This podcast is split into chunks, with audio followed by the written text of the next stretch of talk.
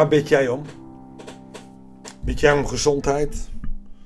Om meer kracht? Bid jij om een luxe huis of een betere auto? Omdat je hem nodig hebt? Bid jij om welvaart?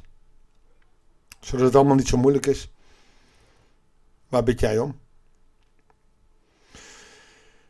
Salomo die bad zodat het God behaagde. God was blij met wat hij bad. En dat doet mij dan meteen denken: is God dan blij met wat ik altijd bid? Zet je weer even tot nadenken. En ik hoop dat het jou ook doet. We lezen uit 1 Koningen 3, vers 1 tot en met 15. En jawel, het gedeelte van de zaterdag, dat is dat stuk met dat kind dat doormidden gehakt moet worden. Oftewel, waar hij zijn wijsheid ook kan tonen. Ach, dat moet je toch even lezen dit weekend. Daar kun je er niet zomaar aan voorbij. Maar vandaag komen we er niet toe. We lezen hoofdstuk 3, vers 1 tot en met 15. Goeiedag, hartelijk welkom bij een nieuwe uitzending van het Bijbels Dagboek. Door de dochter van de farao tot vrouw te nemen, werd Salomo de schoonzoon van de koning van Egypte. En hij liet haar in de Davidsburg wonen totdat hij gereed was met de bouw van zijn paleis, de tempel van de Heer en de muur rondom Jeruzalem. Want dat was zijn doel. Een tempelbouw voor de Heer, een eigen paleis en de muur rondom Jeruzalem. Wat een tactiek, zegt die man. Trouwen met de dochter van de farao, oftewel van prinses van Egypte, zodat je zijn schoonzoon bent. Dan heb je vrede met Egypte. En Egypte was naast Babylonië een grootmacht, en we kennen dat ook uit de Bijbel, die altijd het toch ook wel op Israël had gemunt. Hoewel vanuit Israël er ook gevlucht werd naar Egypte, het ook een soort van veilige haven was, uh, is er ook heel veel uh, strijd geweest. En uh, nou, we weten natuurlijk de tijd van Mozes, maar we kennen ook dat, uh, dat hebben we nog niet zo lang geleden gelezen, dat Egypte in aantocht was en dat God het volk ook overgaf aan Babylonië, maar ook Egypte als, als macht tegenover Israël stond. Dus wat hij hier doet is gewoon ontzettend wijs. En vermoedelijk hield hij er ook een hele schone jonkvrouw aan over. Overigens is dat niet zijn enige vrouw geweest. Omdat er in die tijd nog geen tempel was gebouwd voor de naam van de Heer, mooi hè, niet voor God zelf. God troont in de hemel, maar voor de naam van de Heer moet er een tempel gebouwd worden, bleef het volk zijn offers brengen op de offerplaats. Salomo zelf toonde zijn liefde voor de Heer door te handelen naar wat zijn vader David hem had voorgehouden. Maar ook hij bracht zijn offers en brandde wierook op de offerplaatsen. Zo ging de Heer, of sorry, zo ging de koning op een keer naar Gibeon, de belangrijkste offerhoogte van het land, om het te offeren. Wel duizend dieren droeg hij daar op het altaar als brandoffer op. Hij ziet, hij laat dus van zijn grote rijkdom die hij heeft, geeft hij ook echt weg.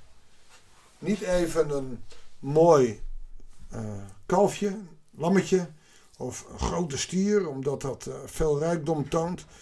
Uh, zoals de fariseeën voorop stonden als zij hun gaven aan de Heer uh, schonken.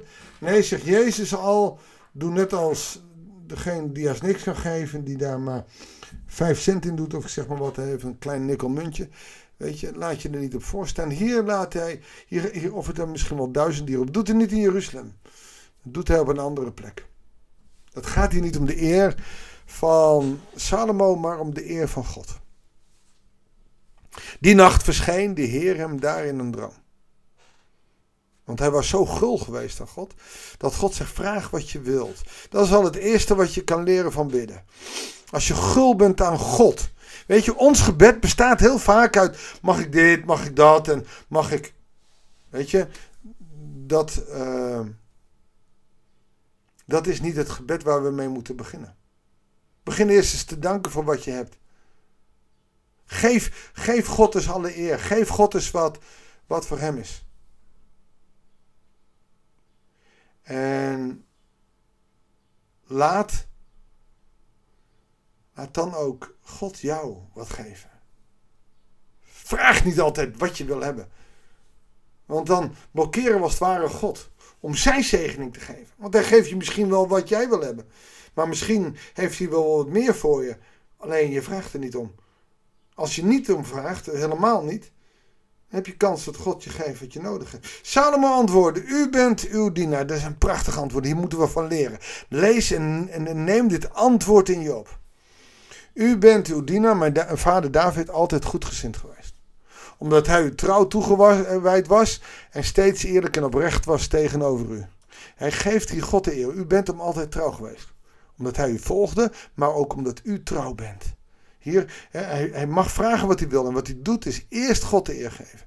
U hebt hem een grotere gunst bewezen door hem een zoon te geven die nu op zijn troon zit. U, Heer, niet ik, niet David, niet, niet. Nee, u, Heer, mijn God, hebt mij als opvolger van mijn vader David als koning aangesteld. Maar ik ben nog zo jong en ik heb geen ervaring. Oftewel, ik kan het niet. Mozes zei dat ook, maar die was eigenwijze. Salomo is jong en.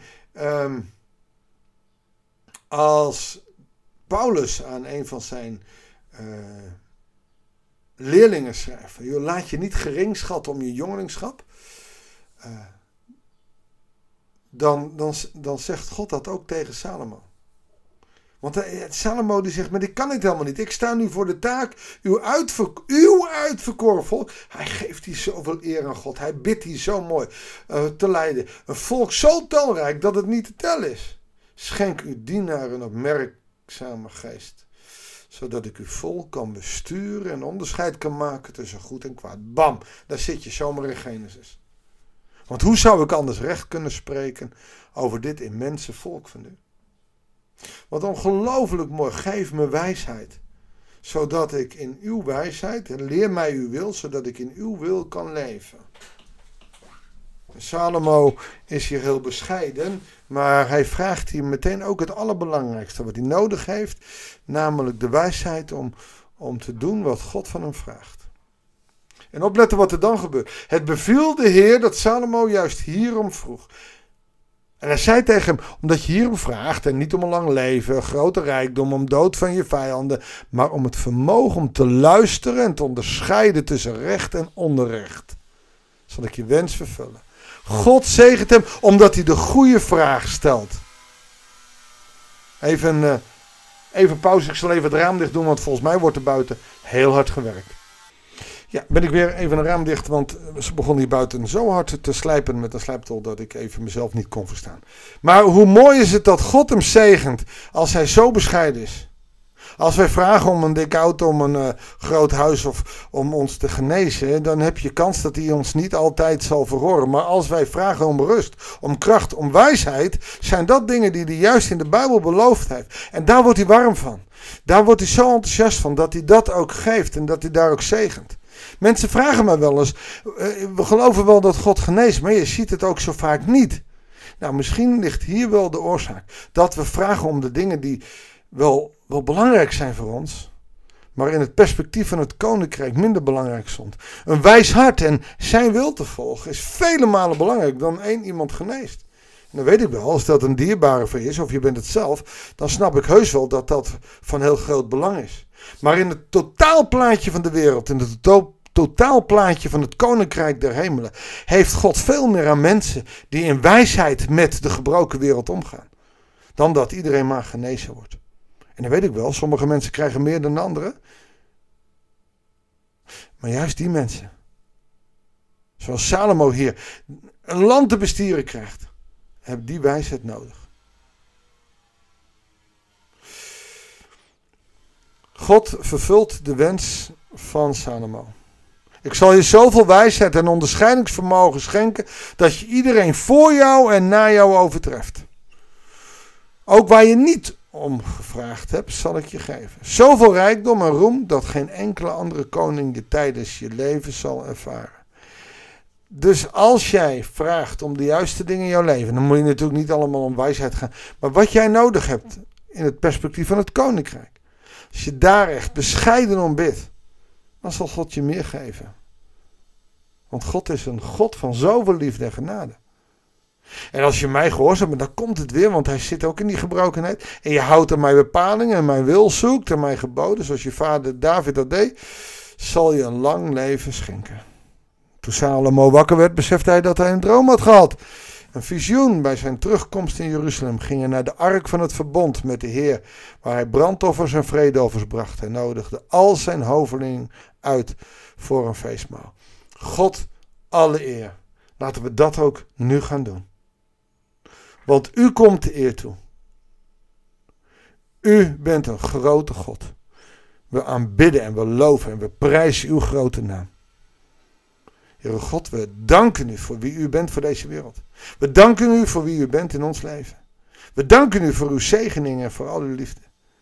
Heer, schenk ons toch wat we nodig hebben. Voor de een is dat heel veel wijsheid, voor de ander is dat empathie. Voor weer een ander, Heere God, u kent ons. U weet wat we nodig hebben, waardoor wij tot bloei kunnen komen. Schenk ons dat wat we nodig hebben. Heer, opdat wij uw dienaren kunnen zijn.